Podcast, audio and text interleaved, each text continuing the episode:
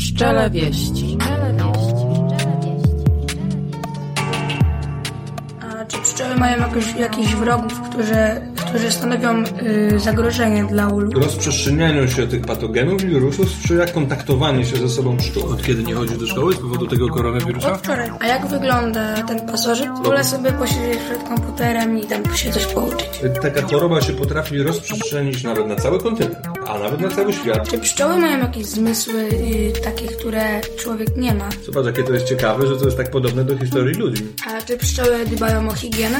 Bardzo, bardzo, bardzo. Pszczele wieści. Wieści. Wieści. Dzień dobry Państwu, witamy w szóstym odcinku Pszczeli Wieści. Z tej strony Jakub. I Franek? Dzisiaj porozmawiamy sobie o pszczołach leśnych. Skąd się wzięły pszczoły w lesie? Las w Polsce i w ogóle w klimacie umiarkowanym mm, Europy jest naturalnym siedliskiem dla pszczół. Kiedyś generalnie, zanim jeszcze powstały pasieki, zanim w ogóle powstało coś takiego jak gospodarka pasieczna, to pszczoły żyły tylko w lesie. No może nie tylko, ale głównie w lesie, przynajmniej na terenach polskich.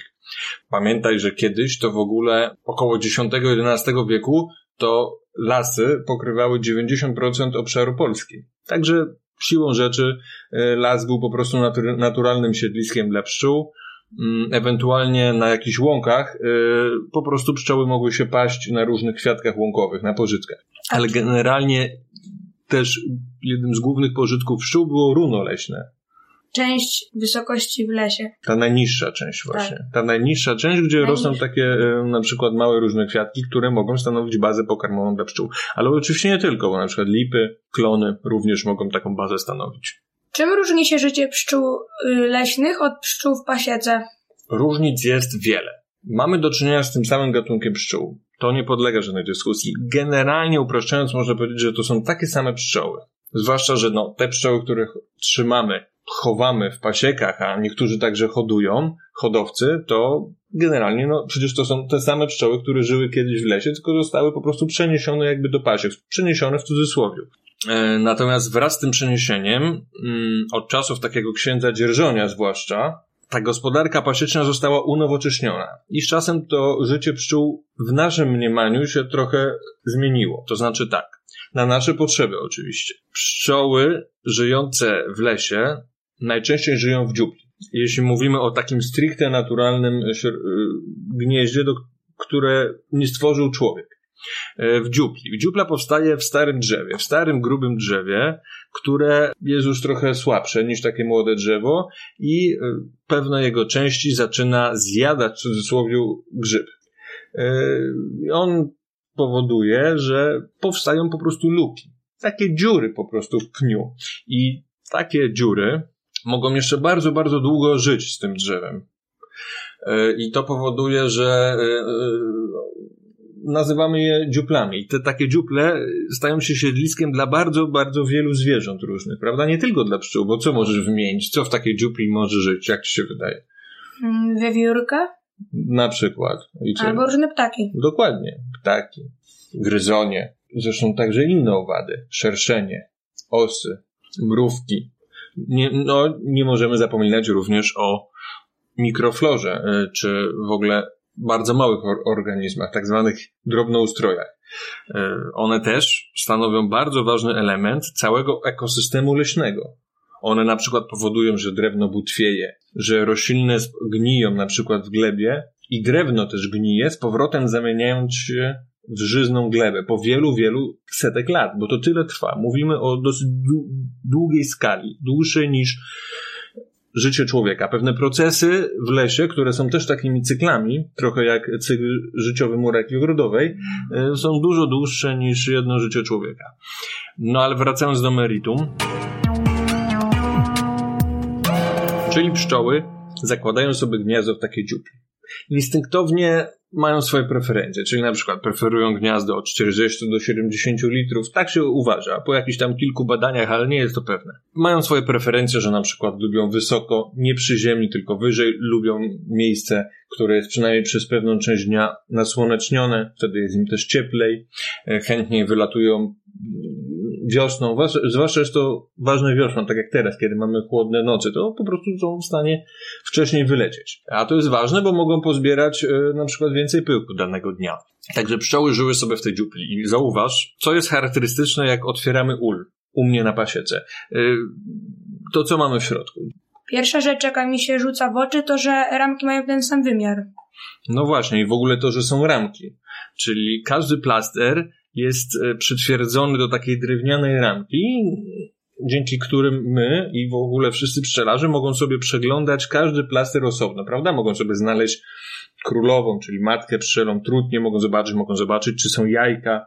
Dzisiaj na przykład to robiliśmy, sprawdzaliśmy, czy są jajka, czy podać tam nową matkę, czy nie. Czy coś się stało z tą matką i sprawdzaliśmy, jak się rozwijają mateczniki w nowych, małych rodzinkach. Tego wszystkiego nie da się zrobić w tej dziupli, dlatego że w tej dziupli no nie ma w ogóle takich ramek drewnianych, bo przecież nikt nie zaprogramował tego pszczołom, tylko plastry są ułożone na dziko, to znaczy są poskręcane, yy, przytwierdzone są do różnych stron, do różnych, yy, z każdej strony do ścian tej dziupli. Nie da się w ogóle, nie psując całego gniazda, a przynajmniej znacznej jej części, mm, nie da się wyjąć poszczególnych plastrów. Bez psucia. No i tak to kiedyś wyglądało, jak dawno temu człowiek jeszcze, powiedzmy człowiek w mezolicie i palolicie, czyli przed zaczęciem hodowli i uprawy roślin i hodowli zwierząt, no to po prostu podchodził do takiego gniazda, odymiał ewentualnie pszczoły, tak jak zwierzęta, tak jak małpy. Wydobywał to gniazdo doszczętnie, prawdopodobnie, niszcząc niszcząc to gniazdo. Pszczoły ewentualnie sobie odbudowywały nowe, jak dały radę, ale po prostu zjadał ten miód, łącznie z czerwiem oczywiście, który jest bogatym źródłem białka. Także te pszczoły no, żyją tam inaczej, bo mają... Im nie przestawia tych plastrów. Mają... Chyba, że przyjdzie jakiś drapieżnik w stylu, w stylu człowieka, niedźwiedzia, kuny, innych gryzoni. E, nikt im tam tego nie przestawiał. Nie przestawiał. Nikt je też nie karmił pokarmem, na przykład, im zabrakło, no to po prostu zdychały z głodu. Nie ma innej możliwości. Jeżeli był jakiś gorszy rok na przykład. Jeżeli jakiś nowy rój, czyli nowa rodzina, znalazła sobie nową dziuplę, przez nikogo aktualnie nie zasiedloną i nie zdążyła wybudować tyle prasów, zebrać tyle pokarmów, żeby przeżyć, no to niestety ginęła taka rodzina. Nie było innej możliwości. Tak samo na choroby. Jeśli jakaś rodzina była chora, no to nikt ją oczywiście nie leczył, więc też taka rodzina mogła zginąć z choroby cykl tych życia pszczół w tym gnieździe był troszeczkę inny, bo te pszczoły tak, y, zjadały ten pokarm zimowy, prawda, wiosną go dokańczały, zaczynały zbierać już nowy i wtedy ten czerw był na górze. I coraz, zbierają coraz więcej pokarmu węglowodanowego, czyli miodu, później, produkując miód, coraz bardziej schodziły na dół, tak? I później em, od jesieni do wiosny z powrotem szły sobie w górę. I ten pokarm był zazwyczaj na górze. I te plastry, y, nikt im nie wymieniał tych plastrów, także zobacz, że te plastry na początku były żółte, tak jak u mnie widziałeś, a wosk z czasem się starzeje, dlatego że co- coraz nowe larwy się wylęgają w tych komórkach. I te plastry robiły się ciemne. I mijało na przykład 5, 7, 8 lat i zazwyczaj taka, te pszczoły, no i tak już wymierały w tej dziupli, chociażby z tego powodu, że te plastry się po prostu zestarzały. Później przychodził jakiś tak zwany destruent. Destruenci to są takie zwierzęta, które odżywiają się martwą materią organiczną. Do jednych z tych zwierząt należy na przykład bardzia, który odżywia się takimi martwymi mm, fragmentami wo- plastrów woskowych, prawda? Po kilku latach, jak ta dziupla była wyczyszczona, znów jakieś pszczoły albo inne szerszenie mogły ją zasiedlić. No i tak sobie pszczoły żyły. Tylko pamiętaj, że każde gniazdo mogło się wyroić. W każdym roku, jeżeli miało dostateczną liczbę yy, pszczół, i to się wiąże z dostateczną liczbą pokarmu, to mogło wyprodukować nawet kilka roi. Yy, czyli takich nowych rodzinek, które szukały sobie yy, nowych gniazd. Oczywiście część z tych rodzin padała, czyli umierała. No, nie dała rady przekazać po prostu genów Także to życie y, no, jest troszeczkę inne, bo w pasiece, no to mamy tą rodzinę, możemy ją dosyć, właściwie w nieskończoność utrzymywać w jednym ulu, dlatego że możemy leczyć, możemy im wymieniać plastry nowe, także o- ją odświeżamy. Trochę tak jak, y, no nie da się tego porównać w ogóle na przykład do człowieka czy do ssaków, prawda? Bo to jest, y, ten organizm jest bardzo związany z tym swoim środowiskiem życia w gnieździe. On jakby to jest trochę dla niego sztuczne takie środowisko. On sobie sam je tworzy, prawda? Tam mikroklimat tworzy sobie propolisem, jest tam specyficzna mikroflora i my ciągle to zmieniając, yy, stosując zasady, pomagając pszczołom w higienie, lecząc je, różnymi środkami, ratując je na przykład, jeżeli zginie jakaś matka, prawda? Można dodać nową matkę, tak jak mówiliśmy, można coś pozamieniać. Powodujemy, że, że, że taka rodzina jest w stanie dużo dłużej żyć w takim ulu. I wykonujemy różne zabiegi pszczelarskie. Po pierwsze, no, robimy miodobranie. W takiej dzikiej dziupi przecież nikt nie robi miodobrania pszczołom. No, chyba, że miodobranie polega po prostu na rabunku. Po prostu całego gniazda, prawda? Jeżeli jakieś zwierzę, w tym człowiek, znajduje takie gniazdo i po prostu się nim żywi. Czy, ale nikt nie robi klasycznego miodobrania, nikt y, nie pobiera czerw, y, pierzgi, nikt nie pobiera propolisu. Pszczoły tam żyją sobie swoim rytmem, który jest nieco odmienny od y, rytmu pasiecznego. A nawet bardzo bym powiedział. A czym w ogóle jest bartnictwo? Bartnictwo. Hmm. Ciekawe pytanie. Bartnictwo jest czymś pomiędzy życiem pszczoły w dziupli, pszczoły miodnej oczywiście, bo o tej pszczole teraz mówimy. I też trzeba zaznaczyć, że mówimy e, stricte o naszym obszarze klimatycznym, czyli klimacie umiarkowanym w Europie, który dąży do tego, żeby być lasem w wielu swoich obszarach. Bo inaczej trochę żyją pszczoły na przykład w Afryce. One tam w ogóle nie mają zimy. Także nie, nie muszą żyć w dziupli. Bo dziupla ma za zadanie chronić pszczoły yy, przed okresem chłodu, przed okresem yy, mrozu w zimę. No więc to bartnictwo jest czymś pomiędzy takim życiem w dziupli, a życiem na pasiece. To jest pierwotny sposób, taki prymitywny jeszcze, gospodarki człowieka na pszczołach. Polegało to na tym, że człowiek opracował taki rodzaj sztucznej dziupli, którą można nazwać barcią albo kłodą, który, która przypominała wyglądem taką zupełnie naturalną dziuplę, ale w jej budowie są takie elementy ruchome, które powodują, że dosyć łatwo można się dostać do takiego gniazda. Dosyć, no, na pewno dużo łatwiej niż do zwykłej dziupli i można wydobyć część plastrów, nie uśmiercając na przykład całej rodziny, albo można posprzątać osy e, wiosną, czyli ułatwić im trochę życie. Wreszcie można po prostu narobić dużo więcej tych takich e, miejsc, gdzie pszczoły mogą się osiedlić. Także nagle człowiek e, mógł spowodować, że tych roi które przeżywały, było jeszcze więcej, bo miały jeszcze więcej miejsc do gniazdowania. No a to jest taka rzecz, że w ogóle człowiek wie, gdzie to jest, tak? Bo jest taki bartnik, który się tym zajmuje, który sam sobie dzieje. To się nazywało kiedyś, że dzieje. Czyli sam sobie rąbie w takim drzewie lub w takiej kłodzie e, po prostu otwór. Do tego otworu może się dosyć łatwo dostawać, znaczy w, w porównaniu do ula to trudno, ale w porównaniu do powiedzmy do takiej dziupli, która nie wiadomo gdzie jest, prawda? Ma po prostu swoje cykle, swoje pory roku w, w określonych miesiącach, gdzie tam po prostu chodzi i sprawdza jak te pszczoły się mają ze sobą i przede wszystkim pobiera produkty pszczele. W dawnych czasach, w średniowieczu, kiedy mówimy o intensywnym bartnictwie na terenach Polski, najważniejszym produktem pszczelim był nie miód, tylko wosk. Dlatego, że wosk e, był niezastąpionym materiałem, który używany był do wielu, wielu dziedzin gospodarki życia człowieka. Do tkanin. Wszędzie tam, gdzie trzeba było uzyskać sztywną skórę, czyli na przykład na ramienniki do walki, prawda? Wszystko musiało być w wosku. Do konserwacji do świec wreszcie. Pamiętaj, że mówimy o czasach, kiedy nie było prądu. Także jeszcze do wielu, wielu różnych dziedzin. Woz był całkowicie droższy niż miód. Jego pozyskiwanie było na tyle ważne, że bartnicy, mm, czyli ci ludzie, chłopi, którzy się zajmowali obsługiwaniem tych pszczół w lesie właśnie, tak na dziko, byli otaczani czymś w rodzaju takiej czci. Ich zawód był traktowany jako zawód szlachetny, trochę tak jak zawód kowala na przykład, nie wiem czy słyszałeś. Ludzie szanowali bardzo takich bartników, no wynikało to prawdopodobnie z tego, że, że to była bardzo ważna gałąź gospodarki. Mieli nawet specjalne prawa, które później król im nadawał, a właściwie to pewne przywileje. No, oczywiście drugim produktem, w tym momencie troszeczkę ubocznym, był kiedyś miód. No, dlatego, że była to jedyna taka bardzo, mm, w naszych przynajmniej rejonach geograficznych, tak, taka naturalna słodycz. Pamiętaj, że kiedyś nie było cukierków i tak dalej, bo w ogóle mówimy o czasach, kiedy nie było cukru jeszcze, nie było cukru buraczanego. I taki miód był takim naturalnym cukrem, który można było dodawać do różnych słodkich produktów y, żywieniowych, no a do różnych dań, jak na przykład y, kutia, prawda? Takie tradycyjne danie z maku i, i miodu między innymi i ziaren, które się przygotowywało, ale także po prostu można było go jeść w takiej formie, jak występował, no i także robić miód pitny.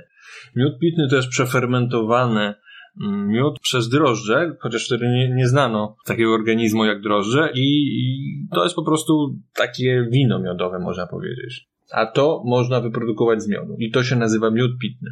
Także bartnictwo to jest tradycyjna metoda chowu pszczół na dziko w lesie. Tworzymy im siedliska i przychodzimy i tylko zabieramy ewentualnie produkty pszczele.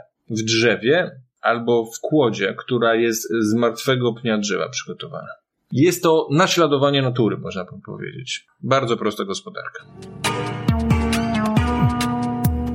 Jak zbudowana jest kłoda? Kłoda zbudowana jest w ten sposób, że bartnik dzieje w środku taką dziurę, przestrzeń, prawda? To ma na przykład 70 litrów, 100 litrów, 120 litrów. Różne tradycje były w różnych rejonach. I ta dziura jest taka pionowa, raczej pionowa jest, czyli ma kształt powiedzmy trochę taki, trochę trapezoidalny, trochę takiego walca wzdłuż. Jest to związane z naturalnymi potrzebami pszczół, gdyż pszczoły po prostu zbierają pokarm, miód na górę, na górze i jeżeli są uwiązane e, zimą tworząc ten kłop niżej, to jest im wygodnie iść do góry i ociepla im się też ten miód. Dlatego chętnie też wybierały takie pionowe, powiedzmy, dziury w drzewie. No i człowiek zaczął to naśladować. Dodatkowo jest taki śniot e, bo cała ta dziura ma taki wylot wycinany, e, taki prostokątny wylot, prawda? Podłużny. I, I tak, i śniot to jest taki gruby kawał dechy, który po prostu to zakrywa. I odkrywając ten śniot, można się właśnie w łatwy sposób, znaczy łatwy, trudny jak dla mnie dzisiaj, ale na pewno łatwiejszy niż zwykłej y, dziupli dostać do tego gniazda i wyciąć na przykład tylko część plastrów, a wylot jest nawiercany często z boku. Czyli pszczoły nie wylatują tym śniotem, czyli tym wejściem dla człowieka do tej barci, dostaniem się do gniazda, tylko z boku wylatują, wiesz? No i to są główne elementy, właściwie takie bardziej w środku też jako zanęcenie, czyli jakby skuszenie pszczół, żeby przyleciały, można zamontować w świeżej takiej kłodzie stare plastry, zaczątki starych plastrów pszczelich. W tej kłodzie są też tak zwane snozy, czyli takie poprzeczne kawałki do środka włożone takich powiedzmy patyków, yy, żeby na nich mogły się opierać plastry też, żeby mogły być w środku plastrów później obudowane, a to powoduje, że jest mniejsze zagrożenie, że te plastry się oberwą, bo w końcu takie plastry pod ciężarem miodu bywają ciężkie. Jaka jest różnica pomiędzy barcią a kłodą? Podstawowa różnica jest taka, że jest zrobiona w żywym drzewie.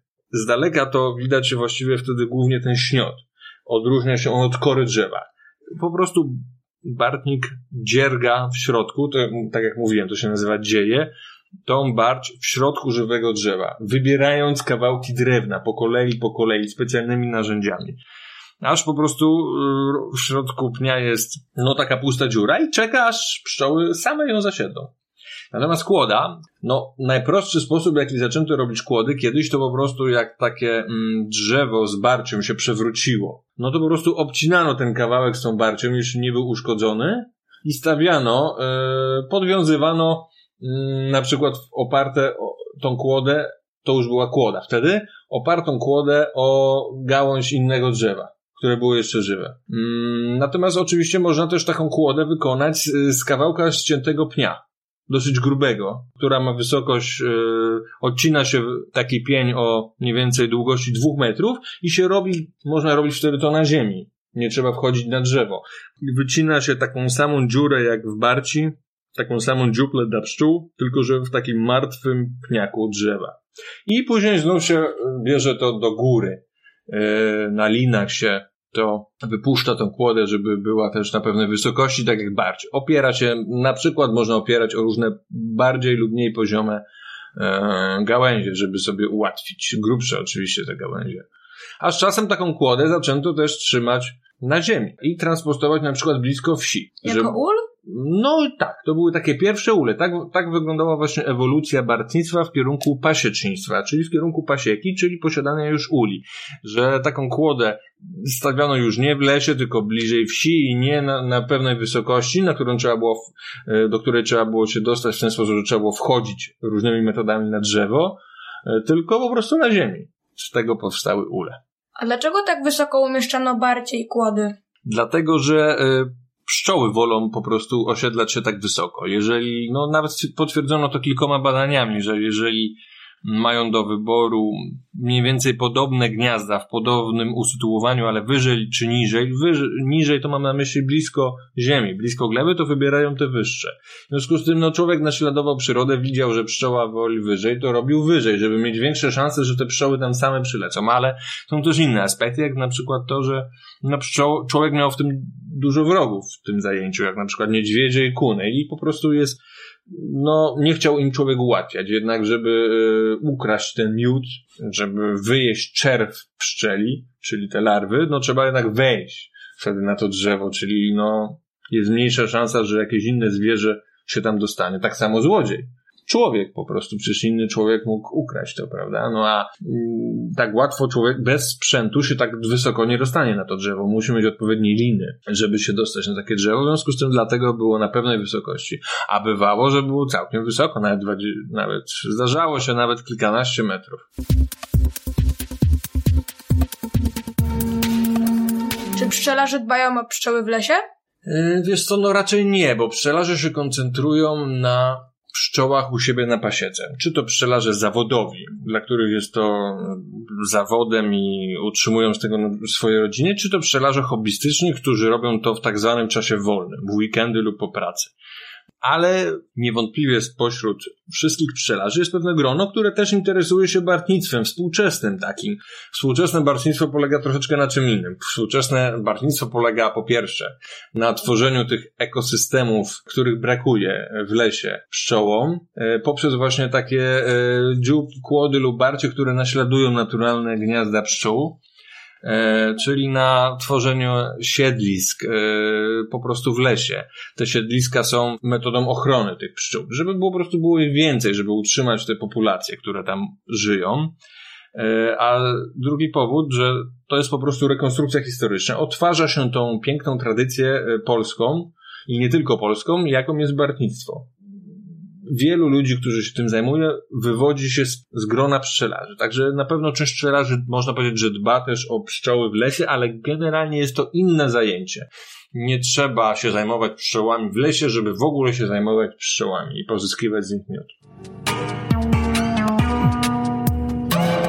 A czym są drzewa biocenetyczne? Drzewa biocenetyczne, no to jest taka powiedzmy troszeczkę e, nazwa w przenośni, bo biocenoza. Czym jest biocenoza? Może przeczytajmy sobie w ogóle definicję. Biocenoza jest to zespół populacji organizmów roślinnych, zwierzęcych i mikroorganizmów danego środowiska należących do różnych gatunków, ale powiązanych ze sobą różnorodnymi czynnikami ekologicznymi i zależnościami pokarmowymi, razem two tworzących całość. Na przykład w opisie tej broszury projektu Bartnicy Sudetów Nadleśnictwa Międzylesie drzewami biocenotycznymi, biocenotycznymi nazwano drzewa, które, mm, które stanowią dodatkową bazę pokarmową na przykład dla pszczół, ale także dla innych zwierząt. Wymieniane tutaj są lipy, klony, grusze, jabłonie. Ale ja bym tutaj też dodał, że drzewami biocenotycznymi mogą być po prostu stare drzewa. Stare właśnie drzewa, które można zostawiać nawet w lasach gospodarczych w pewnym procencie, które powodują, że właśnie zaczynają wytwarzać się w środku nich dziuple. E, I, te, I w tych dziuplach na przykład mogą również e,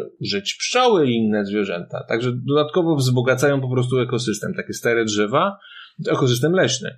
A też w ogóle martwe drzewa. Martwe drzewa, które po iluś tam latach, wielu czasami latach upadają, w końcu przewracają się e, w rezerwacie na przykład. Są takie rezerwaty, w których nie ingeruje w ogóle człowiek, albo w stopniu minimalnym, czyli zapobiega na przykład pożerowi i tak dalej, to wtedy takie drzewa przez kilkaset lat potrafią się rozkładać.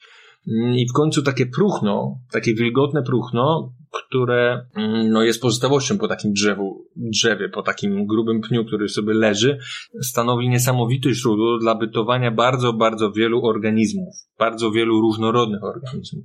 Też można nazwać, że takie drzewo pozostawione, takie martwe, wilgotne próchno wzbogaca e, biocenozę. Jak barwnik wchodzi na drzewo? Są różne metody. U nas generalnie, czyli na obszarach ziem polskich, preferowane metody z użyciem, z użyciem tak zwanego leziwa, czyli takiego sznura, zrobionego na przykład z włókna konopnego, dosyć grubego sznura, który dzięki specjalnej opracowanej metodzie pozwalał wspiąć się na to drzewo i jednocześnie, jak już się człowiek wspiął na wysokość barci czy kłody, to przymocować taką specjalną łoweczkę, dzięki, któr- dzięki której w miarę bezpiecznie e, mógł ktoś obsługiwać taką barć na pewnej dosyć takiej wysokości, z której upadek no, groził trwałym kalectwem albo śmiercią. To jest jeden ze sposobów. Na wschodzie mm, widziałem e, na przykład w Baszkirii, to jest taki rejon w Rosji, e, radzili sobie inaczej, po prostu wydłubywali w drzewie taki pewien rodzaj schodków i trzymając się tego takiego powrozu skórzanego rękami, tymi schodkami wchodzili wyżej. Czyli każde jakby wtedy drzewo było specjalnie przygotowane pod taką bardziej. Zresztą u nas też tak było. Jak było drzewo odpowiednio grube, to nawet na jednym drzewie y, bywało tak, że było kilka takich barci. Zresztą barć y, potrafiła mieć długą historię. Y, Dobrze, w dobrym miejscu wydziana barć potrafiła przeżyć bartnika, czyli jego następcy mm, korzystali z tej samej barci, wiesz? A drzewo sobie dalej żyło. A czy bartnik sobie ułatwiał pracę z bardzią? No tak, właśnie ym, przede wszystkim no, mając te różne narzędzia, którymi ją wykonywał, mając metody na wchodzenie do barci, mając pomocników, którzy na przykład na dole stali i czekali, aż on spuści w wiaderku drewnianym te plastry szczele, które wydobył, czyli ten miód w tych plastrach, yy, no i pomagał mu nosić oczywiście narzędzia i tak dalej. Ułat- Ułatwieniem też było to, że zabezpieczali specjalnie te bardziej kłody przed innymi drapieżnikami, na przykład przed niedźwiedziami.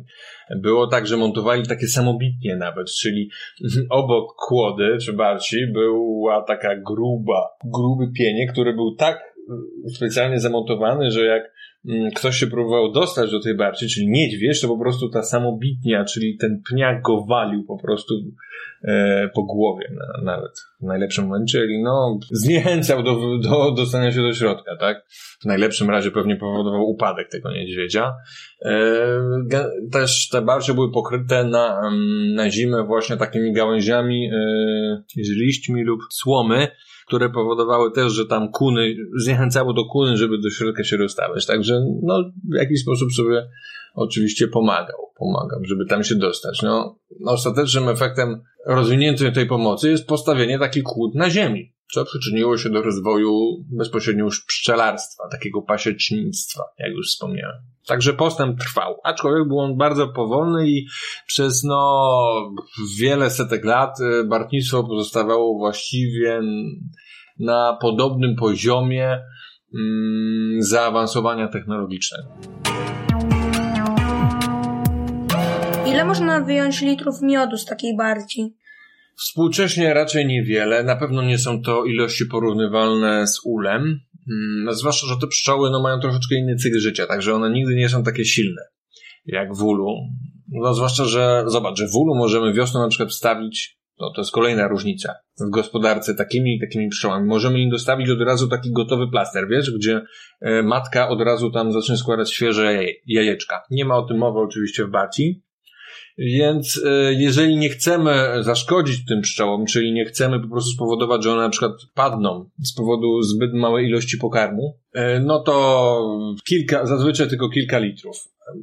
Maksymalnie może do kilkunastu w przypadku jakiegoś dużego szczęścia obfitego mm, sezonu, ale generalnie no to jest dużo, to jest mało w porównaniu do ula. Są opisy, że kiedyś e, Polska była mm, krainą e, miodem i mlekiem, mlekiem płynącą, że podobno z tej barci można było bardzo dużo wydobywać, tylko to wszystko są niepotwierdzone dane, także moim zdaniem należy do nich podchodzić z dystansem. Też trzeba pamiętać, że inną rolę współcześnie odgrywa to bartnictwo, odgrywało kiedyś, jak powiedziałem. Nie? Kiedyś to nawet była gospodarka rabunkowa wręcz, czyli po prostu zabijano również te pszczoły, wydobywając ten miód. Nie ma co się oszukiwać. Natomiast no, współcześnie raczej jest to forma ochrony i kultywowania pewnej tradycji.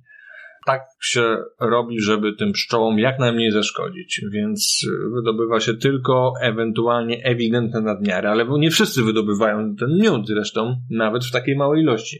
Jest taki projekt jak, jak Bartnicy Sudetów, którego głównym pomysłem jest w ogóle ochrona pszczół, e, znaczy stworzenie dodatkowych siedlisk e, w lesie dla pszczół w dużej ilości, przysporzenie się e, do tego, że w tych barciach może się wyselekcjonować, wykształcić na powrót e, taka rodzima populacja głównie e, pszczoły Apis mellifera mellifera. To jest taki podgadunek rodzimy, którym może się tam odrodzić. Jest taka teza i są podstawy oczywiście do tej tezy.